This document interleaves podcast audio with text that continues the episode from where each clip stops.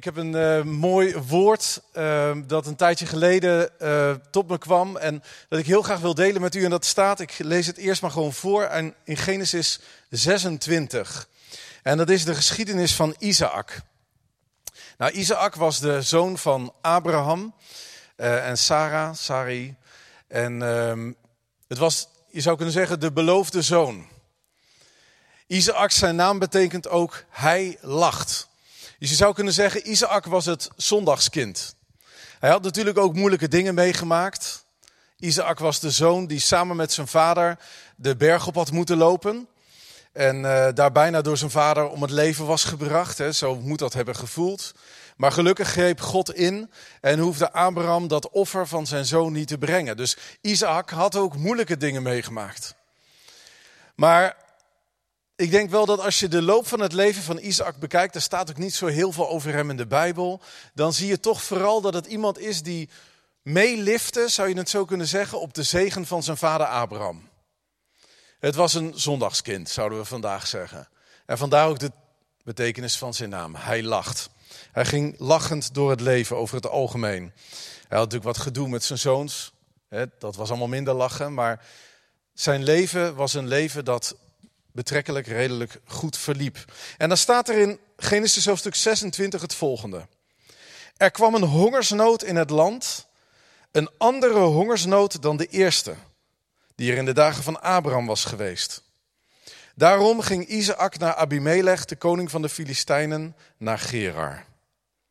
En toen verscheen de Heere aan hem en zei: Isaac, trek niet naar Egypte, maar woon in het land dat ik u noemen zal. En daarna dan volgt de belofte die God deed aan Abraham. En dan ook nog eens specifiek in dit geval bevestigt God die belofte aan Isaac. Straks lees ik verder, maar uh, eerst eventjes hierover iets. Dus hoewel Isaac bekend stond als een zondagskind, hoewel het in het leven van Isaac goed ging, merk je toch dat ook in de levens van zulke mensen de hongersnoden kunnen komen dat het jou, dat het u misschien op dit moment of het afgelopen jaar redelijk goed is gegaan, ook tijdens de crisis, betekent niet dat er niet soms crisis in uw leven kan zijn. Of dat het misschien van 2017 tot 2018 en 2019 goed ging, betekende niet dat het ook in 2020 goed zou gaan.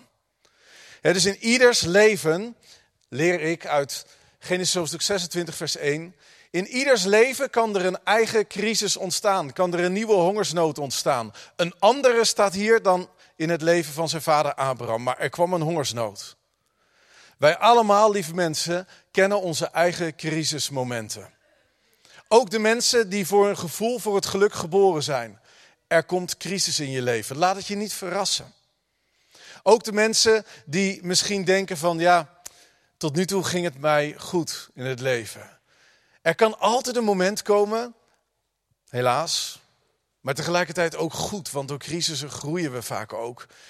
Maar er kwam hongersnood in het leven van Isaac. Dan staat erbij een andere hongersnood dan in de tijd van zijn vader Abraham.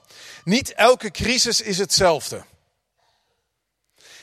In de periode die achter ons ligt, merkte je regelmatig dat wat oudere mensen zeiden in het begin van die coronacrisis: van ja, ik heb vroeger heb ik van alles meegemaakt. Ik heb de oorlog nog meegemaakt. En als je dat vergelijkt met nu, dan stelt het eigenlijk niet zo heel veel voor. Dat zou je kunnen zeggen.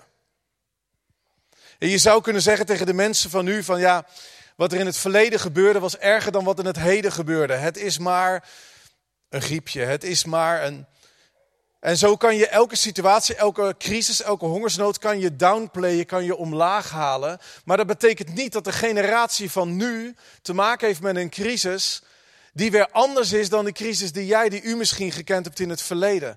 En elke generatie kent zijn eigen crisissen, kent zijn eigen tijden van moeite. ik wil dit even benadrukken. Omdat geen leed met ander leed te vergelijken is. Toen mijn vrouw ziek was in het verleden, toen we net trouwden toen um, waren er mensen die naar haar toe kwamen en die dan zeiden van, ze, ze, had kanker in die tijd, het eerste jaar dat we trouwden. En dan zeiden mensen van, ja, of dan mijn vrouw bemoedigde iemand en dan zeiden ze van, ja, wat, wat ik meemaak is natuurlijk niet zo erg als wat jij meemaakt, zeiden ze dan tegen mijn vrouw. En dat vond Gea helemaal niet leuk dat mensen dat zeiden, want leed kun je niet vergelijken met leed. Wat voor de een moeilijk is, voelt voor de ander misschien minder moeilijk, maar dat neemt niet weg dat leed leed is. Je kunt crisissen niet met elkaar vergelijken. Ja, dus dat wil ik even aan het begin gezegd hebben. Laten we niet elkaar te hard vallen als iemand iets meer lijdt onder een situatie dan dat jij lijdt. Ga niet een ander veroordelen omdat een ander bijvoorbeeld de crisis waar we nu in leven wat zwaarder opneemt dan dat jij of dat u dat doet. Ga elkaar niet hard vallen. Voor onze kinderen die in de leeftijd van 13 tot 7 jaar, 13, 11 en 7 jaar, is deze crisis een zware crisis omdat het gewoon een veel groter deel is van hun leven dan dat het een deel is van mijn leven. Het is voor hun een heel jaar op de zeven jaar dat ze leven. Dat is een hele zware crisis. Dus laten we elkaar niet te hard vallen. Laten we elkaar niet de maat nemen als het gaat om de crisis waarin we zijn. Een andere hongersnood dan in het leven van zijn vader Abraham. Elke periode heeft zijn eigen zorgen. Nou, en dan lees je daarna, dat lees ik nu niet voor, dat Isaac beslissingen moet nemen. God had tegen hem gezegd: ga niet naar Egypte. Nou, daar is hij gehoorzaam aan. Hij blijft in het land dat God zijn vader Abraham had beloofd. Hij blijft in het beloofde land. Maar hij maakt wel dezelfde fout als zijn vader maakte.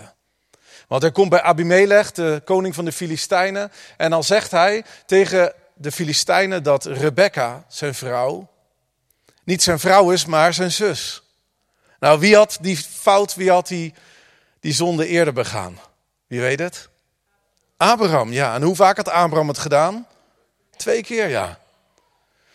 Nou, een ezel stoot zich in het gemeen geen twee keer aan dezelfde steen, maar Isaac die maakte gewoon exact dezelfde fout als zijn vader Abraham had gemaakt. Zie, de zorgen waren anders dan in de tijd van Abraham. De crisis was anders, maar dat betekende niet dat hij dezelfde zonde niet zou begaan onze zorgen zijn allemaal verschillend, maar gek genoeg, de zonden die we begaan in de verschillende momenten, in de verschillende tijden, zijn helaas vaak hetzelfde. De manier waarop we reageren op de crisis is vaak hetzelfde. En daarom moet je elkaar niet de maat nemen als het gaat om de zorgen waar je doorheen gaat, maar mag je elkaar wel scherp houden als het gaat om de zonden die we begaan in de crisis. Want die zijn helaas altijd wel hetzelfde. We reageren allemaal, als het om de zonde gaat, vaak op dezelfde manier waarin we tijden van crisis zitten. Zonde is cyclisch. Zonde gaat door de tijd heen en de duivel, die is niet creatief, die, die laat ons altijd dezelfde zonde begaan. Dat lees, lees je in het verhaal van Isaac. Maar goed, ik gaf net aan, daar gaan we niet bij stilstaan. Want er is nog iets anders. Er waren zorgen, er was inderdaad zonde, maar we gaan stilstaan bij de zegen die God gaf in de crisis. Ja? Vandaag een preek over de zegen die God wil geven. Dan staat er in Genesis 26, vers 12 ga ik dan verder. Isaac zaaide in dat beloofde land dus, in dat land. En hij oogste in datzelfde jaar het honderdvoudige. Waarom? Omdat de Heer hem zegende.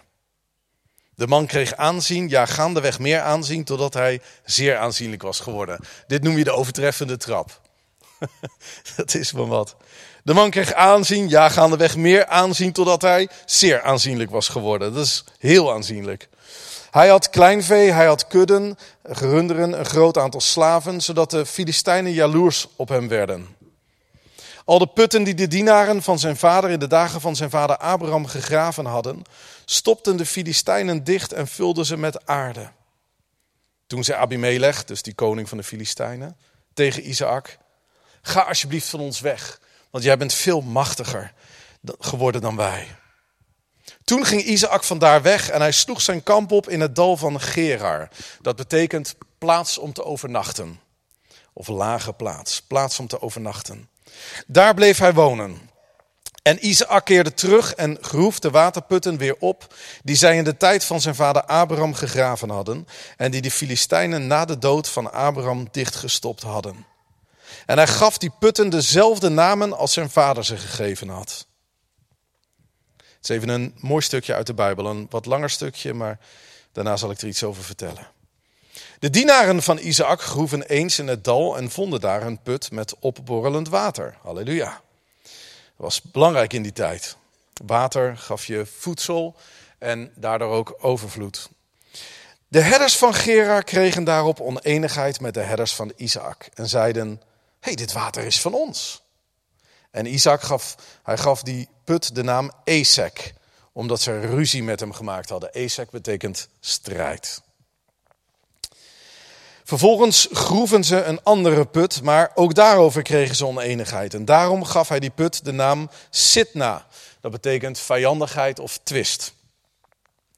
Toen brak hij van daarop en groef een andere put. En daarover kregen ze geen oneenigheid. Nou, dat is super. En daarom gaf hij die put de naam Reobot. Dat betekent ruimte. God maakte ruimte. Want, zei hij, nu heeft de Heer ruimte voor ons gemaakt en zullen wij vruchtbaar zijn in dit land. En hij vertrok vandaar naar Berseba. Berseba betekent put van de zevenvoudige eet. Of land van de zevenvoudige eet, in elk geval zevenvoudige eet. De Heere verscheen hem in die nacht en zei, Isaac, ik ben de God van Abraham, uw vader. Wees niet bevreesd, want ik ben met u. Ik zal u zegenen. Ik zal uw nageslacht talrijk maken, omwille van Abraham, mijn dienaar. En toen bouwde Isaac daar een altaar en hij riep de naam van de Heere aan. Hij zette daar zijn tent op en de dienaren van Isaac groeven daar een put. Dat zijn de drie dingen die Isaac deed. Hij bouwde een altaar, hij zette zijn tent op en ze groeven opnieuw een put. En die drie dingen staan symbool voor wat God in het leven deed van Isaac. God wil van, wilde van de aartsvaders en vandaag ook van ons wil hij allereerst aanbidders maken. Dat we een altaar mogen oprichten voor hem. Hij wil dat we onze tenten, de tentpin in de grond slaan, waarmee we aangeven, dit land is tijdelijk. Wij kijken uit naar een stad, zegt Hebreeën 11, die anders is dan het land dat wij nu om ons heen zien. En daarom woonden ze in een tent. Dat was ook het nomade bestaan van die tijd. Maar geestelijk gezien kunnen we zien dat ze daarmee ook zeiden: we willen het land wel innemen. En we willen genieten van de vrucht van het land. En we willen zaaien in het land. En we willen de zegen ontvangen. Maar we blijven vreemdeling. We blijven vreemdelingen en bijwoners. Dat was het tweede. Dus het altaar, de tent en de put. De put waarmee ze lieten zien, wij willen ons laten voeden vanuit het opborrelende water van God, zouden wij vandaag zeggen. De fontein waar Jezus over sprak. De fontein die ook door de Heilige Geest vanuit ons stroomt. Opborrelend water. Enerzijds vanuit het woord van God en het water van de geest van God, maar ook de geest die zomaar fontein laat opborrelen vanuit ons binnenste. Dat vind ik mooi dat deze tekst ermee eindigt. Aanbidding, vreemdelingschap en tegelijkertijd ook de kracht van het woord van God en van de geest van God. Dit was de eerste keer dat we in de Bijbel lezen dat Isaac, het zondagskind, dat Isaac God aanbad. Aan het eind van dit verhaal, aan het eind van deze crisis, nadat hij gereageerd had op de manier zoals God wilde dat hij reageerde. Niet door te zondigen, maar door de zegen te ontvangen. En dan voor het eerst staat er, nu aanbad Isaac ook God. Hij wandelde niet alleen maar in het geloof van zijn vader. Hoe vaak maken we niet mee dat we geneigd zijn om te wandelen in het geloof dat ons is overgedragen? Dat we geërfd hebben van onze vaders, ook van onze geestelijke vaders. Van onze geestelijke vaders en moeders. En dat je geneigd bent om te blijven wandelen in het geloof dat je geërfd hebt. Maar God vraagt van ons om, of je nou in crisis leeft of dat je een zondagskind bent, om te wandelen in het geloof dat God ons geeft. En daarom herhaalt God ook aan Isaac tot twee keer toe in het gedeelte dat we net lazen. Herhaalt hij de belofte die hij had gedaan aan Abraham, maar dan nu heel specifiek voor Isaac. Wandel niet in geleend geloof. Wandel in het geloof dat God jou, dat God u geeft.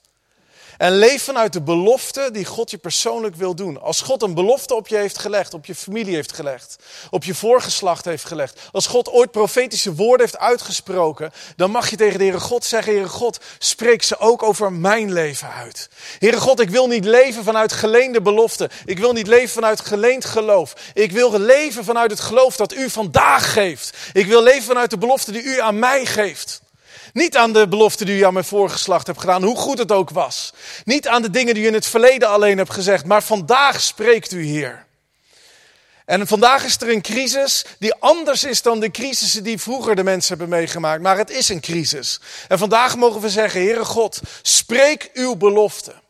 Heere God, geef vandaag geloof. Ik wil verrassend, ik wil vernieuwend, ik wil leven vanuit wat u vandaag geeft. En wat gisteren goed was, kan misschien wel goed lijken, maar het is niet uw woord. Ik wil alleen maar zaaien zoals u mij geeft te zaaien. Nou, dat is wat Isaac deed. Er staat, Isaac zaaide in dat land. En hij oogste honderdvoudig in datzelfde jaar. Nou, ik vind dat een bijzondere tekst. Waarom? Omdat er in dat land hongersnood was. Er was helemaal geen goede grond om te zaaien. Maar op de een of andere manier is het voor kinderen van God mogelijk om in tijden van crisis en droogte toch te zaaien. En dat God toch zegen geeft. En niet zomaar even karig, één op één, we zaaien en we oogsten. Nee, ook niet tienvoudig, maar honderdvoudig notabene. En er zijn zoveel mensen die het afgelopen jaar hebben gemerkt dat juist in de tijd van crisis, dat als je als gemeente ging zaaien, als je als gezin ging zaaien, als je als echtpaar ging zaaien, als je als vrienden ging zaaien, als je als werkgever, als ondernemer op welke manier ook ging zaaien, juist in deze crisis, dat God honderdvoudig vrucht wil geven. We hebben het zelf ook gemerkt. Dat we niet bij de pakken neer gingen zitten, maar dat we zeiden, Heer God, wij kijken op naar U. Dit is een crisis en we gaan die crisis niet ontkennen maar we gaan wel zaaien. En tegen de klippen op misschien. En misschien in het begin lijkt er geen oogst te komen, maar God gaf in hetzelfde jaar oogst bij Isaac. En dat heeft hij ook hier gedaan in de gemeente. Want ondanks dat het niet mogelijk was om samen te komen, heeft hij toch oogst gegeven, dat weet ik zeker. Er zijn levens gered. Als ik kijk bijvoorbeeld naar de Alpha-cursus het afgelopen jaar. Ik sprak met Arnoud Drop, de directeur van Alpha. En hij vertelde dat dit jaar meer dan ooit de innovatie is geweest, de vernieuwing is geweest, dat er nieuwe groepen zijn bereikt. Introverte mensen die het lastig vonden om een alfa-cursus bij mensen thuis uh, te bezoeken, gingen achter het scherm de alfa-cursus doen. En in één keer merkten ze dat er een hele grote groep was die helemaal niet samen durfde te komen met een maaltijd erbij. En dat juist die mensen dit jaar aangeraakt werden. Het is ongelooflijk hoeveel zegen geweest het afgelopen jaar alleen al met de Alpha-cursus. Ook hier in de gemeente? Is er hier ook een Alpha-cursus geweest? Nee, nou moet je zien. Het, het, is 2021. Het kan nog gebeuren. Yes. Hij zaaide en hij oogste. Niet tien jaar later, maar in hetzelfde jaar. Honderdvoudig. De man kreeg aanzien, ja gaandeweg meer aanzien, totdat hij zeer aanzienlijk geworden was. Dat is wat er gebeurt, lieve mensen, wanneer wij gehoorzamen. Wanneer we gaan in het plan dat God ons geeft. Dat God de naam verhoogt. Bij Jozef deed hij dat. Jozef was niet een man die zocht naar aanzien, maar God verhoogde zijn naam. Abraham was niet een man die zocht naar aanzien, maar God gaf Abraham naam. Isaac was niet een man die zocht naar aanzien, maar hier staat, hij werd aanzienlijk, ja zeer aanzienlijk, totdat hij buitengewoon aanzienlijk was. En mensen naar hem opkeken. Moet je je voorstellen, in tijden van crisis, door dat droge land, daar liep Isaac. En Isaac was die man van dat stukje vruchtbare grond waar zoveel oogst was geweest. En alle mensen keken naar hem en ze zeiden allemaal, mag ik leren van, je, van jullie methodes? Want Isaac, ik wil ook zo worden zoals jullie. Ik weet nog in juli op het Malieveld, toen we daar, daar waren met die mooie, bijzondere bijeenkomst, waar zoveel mensen naar mochten kijken en door gezegend werden. En waar ook zoveel ook oogst, zoveel naweeën zou ik zeggen, zo, zoveel oogst, zoveel kringen omheen als een steen in de vijver, was er zoveel beweging omheen. Tot op de dag van vandaag is het voelbaar. En ik weet nog dat we, het was een plan dat we echt van God ontvingen. Dat niet het gevolg was, Christian was erbij, uh, je zit bij ons in het bestuur ook en je maakte het allemaal mee. En het was niet iets dat vanuit strategie ontstond of vanuit planning ontstond, maar God gaf het. Binnen twee weken was het er en het was een wonder van God. En ik weet nog op dat veld, op het Malieveld, daar hadden ook mensen van Virus Waarheid, toen heette dat nog Virus Waanzin, die hadden zich aangemeld en die probeerden het te claimen. Dat was niet fijn voor ons. Want zij probeerden daar ook samen te komen en zij probeerden dat te claimen. En ze probeerden naar de buitenwereld net te laten lijken alsof die bijeenkomst door hen was georganiseerd. En wij kregen daar lucht van.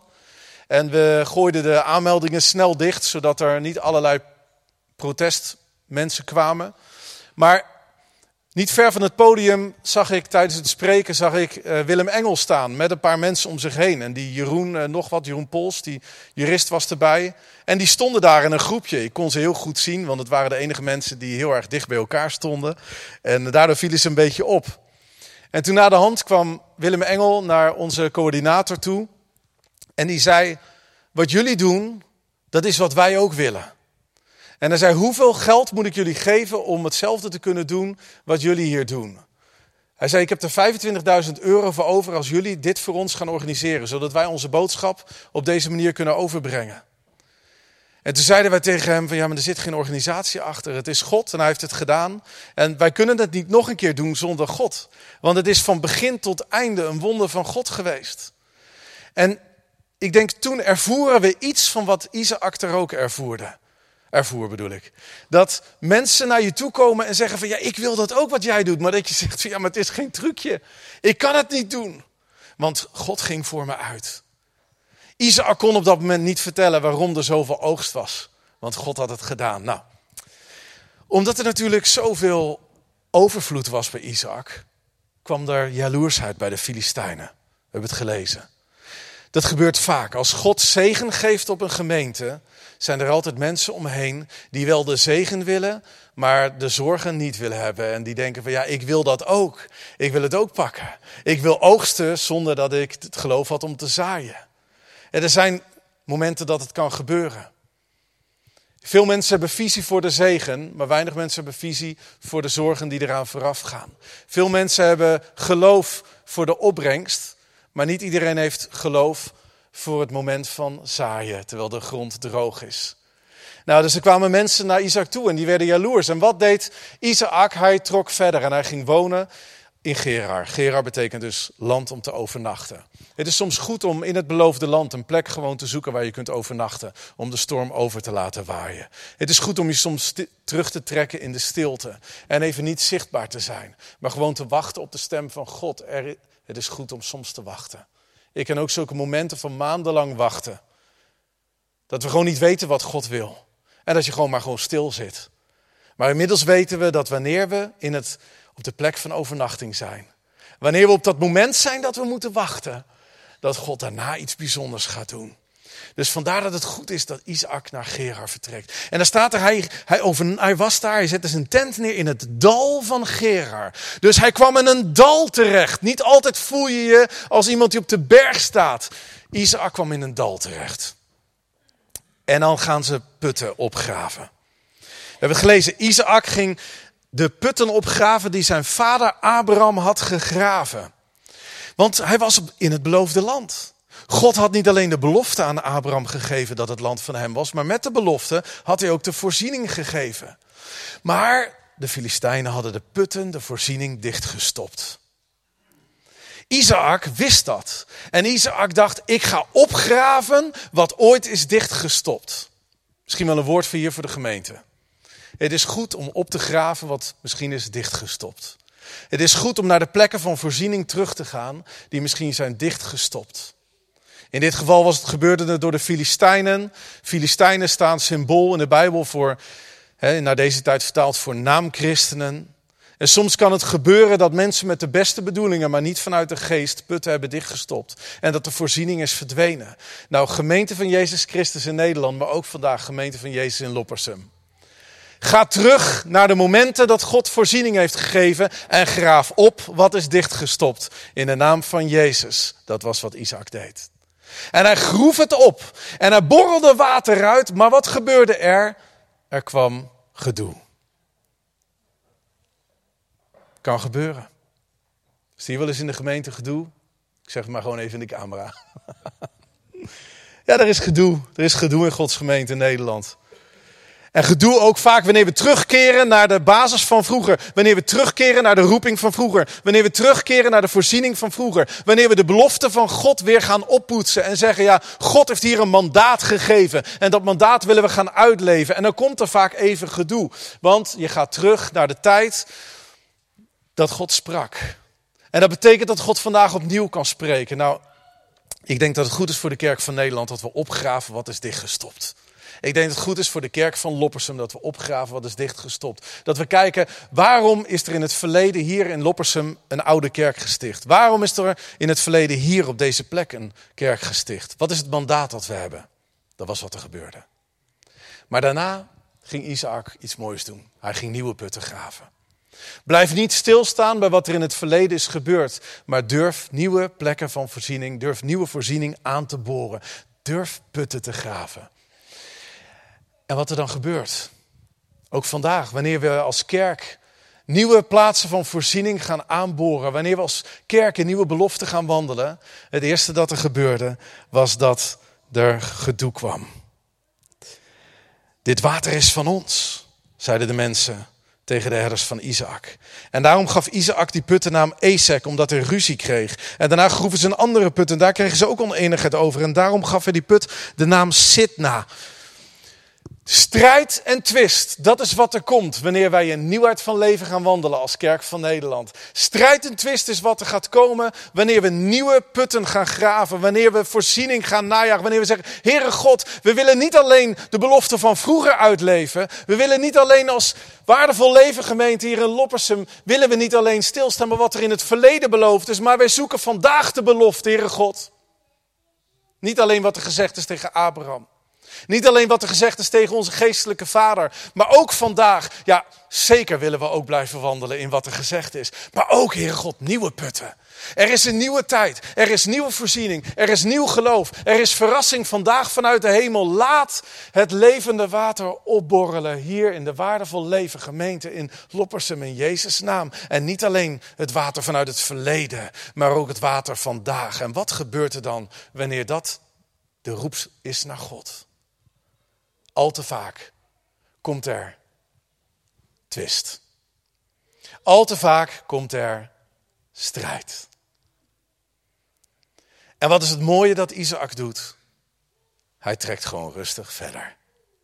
Hij blijft niet stilstaan bij de twist, hij blijft niet stilstaan bij de strijd, maar hij trekt rustig verder. Want het beloofde land dat God ons geeft is groot genoeg om voorziening te ontvangen. We hoeven niet stil te blijven staan bij de plekken waarover getwist wordt. We mogen gewoon zeggen: pak het maar. Neem het maar. Want er is zoveel voorziening dat wij het je kunnen geven. Dat vind ik geweldig in dit verhaal. En misschien is het ook wel gewoon een les die we vandaag mogen leren. Laat de twist en de strijd ons niet verhinderen om opborrelend water te zoeken. Laat de twist en de strijd niet verhinderen om geloof na te jagen. Laat de twist en de strijd vandaag ons niet verhinderen om te blijven graven naar wat God ons wil geven. En als er dan anderen zijn die de zegen willen ontvangen en de voorziening willen ontvangen, geef het ze maar. In de liefdevolle naam van de Heer Jezus. Als er mensen om je heen zijn die zeggen van ja, het gaat jou goed en ik ben jaloers op je, dan geef je het beste wat je hebt. Waarom? Omdat God nieuwe voorziening en nieuw geloof wil geven. Want je leeft in een beloofd land. En het beloofde land is groot genoeg. Amen? Ja. Want daarna trekt Isaac verder. En dan komt hij terecht op een plek en daar is geen twist. Daar is ruimte. Daar is Rehoboth. Als wij durven te geven wat we hebben ontvangen, zal God uiteindelijk ruimte geven om voorziening en geloof en nieuwe kracht en nieuwe moed te krijgen van God. Dan zullen wij terechtkomen op een plaats die waarvan we mogen zeggen, Reobot. Reobot in mijn gezin, Reobot in mijn huwelijk, Reobot in mijn vriendschappen, Reobot in de kerk vandaag, Reobot in 2021. Nieuwe ruimte.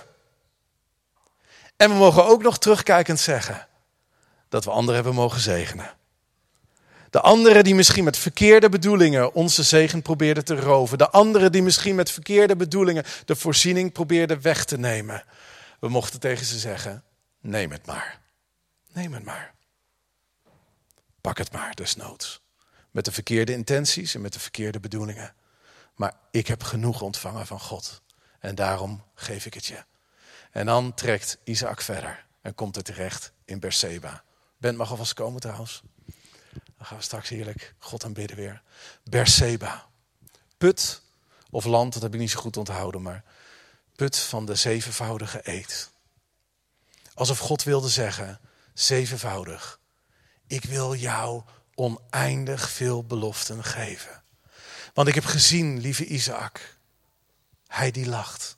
Ik heb gezien dat je niet greep wat ik je wilde geven, maar dat je durfde te ontvangen met open handen.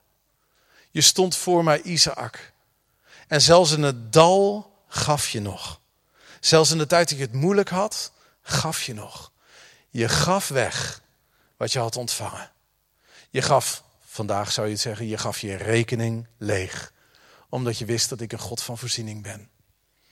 En wat ik hiervan leer en wat ik hiervan ook wil overbrengen, dat is dat wij geloof mogen hebben in een God die oneindig veel meer kan doen dan we bidden of denken. Die voorziening op voorziening op voorziening kan geven. Die geloof op geloof op geloof kan geven.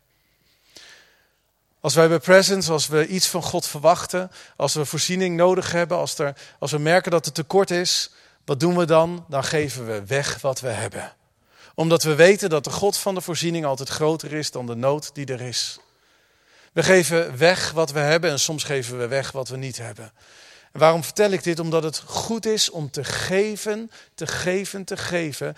In het geloof dat God altijd meer kan doen dan je kunt bidden of denken. Gods voorziening is zo groot. Gods geloof is zo krachtig. Vader, ik bid dat u de waardevol leven gemeente in Loppersum brengt op de plaats van de ruimte. En daarna doorvoert, wegvoert naar die nieuwe plek. Put van de zevenvoudige eed. Vader, ik bid dat het geloof dat u hier vroeger hebt geplant, dat dat zal verbleken bij het geloof dat u vandaag geeft. Ik bid, Vader, dat de belofte die u vroeger hebt gegeven, heren, dat die niet alleen vandaag omarmd wordt, maar dat u nieuwe beloften erbij geeft. Vader, ik bid dat de voorziening die u vroeger hebt gegeven maar een voorbeeld is van wat u vandaag wil geven. Heren, dat er mensen zullen zijn die hieromheen naar de gemeente kijken en zeggen van wat is daar aan de hand?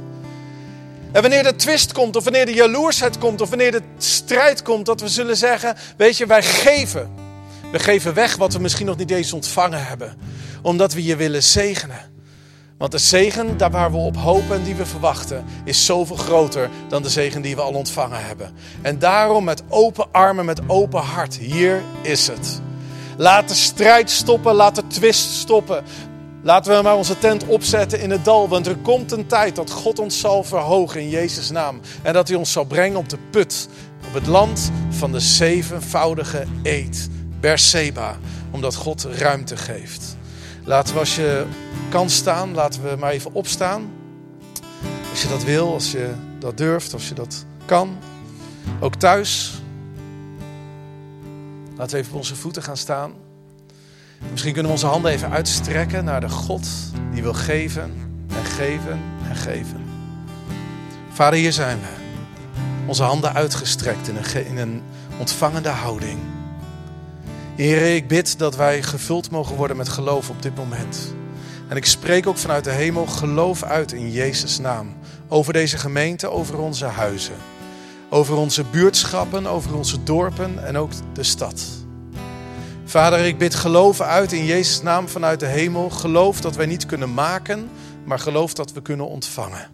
Geloof dat we niet kunnen simuleren, dat we niet kunnen opwekken, maar geloof dat vanuit de hemel komt in Jezus' naam. Het is het geloof van God, zegt Jezus. Het is het geloof dat vanuit de hemel komt en dat we mogen ontvangen. Vader, ik bid dat u ons op dit moment de gave van geloof in handen geeft. Zoals u daar ook over spreekt in het Nieuwe Testament. Dat we in staat zijn om te omarmen wat we niet eens zien.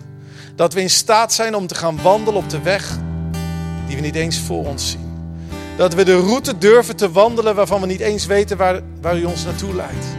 Heer, dat we de voorziening gaan verwachten waar we de bron nog niet eens kunnen zien, Heer. Maar dat we gewoon weten, ja, u laat het water klateren, u laat het water opborrelen in Jezus' naam. Dat we gaan wandelen in geloof in Jezus' naam.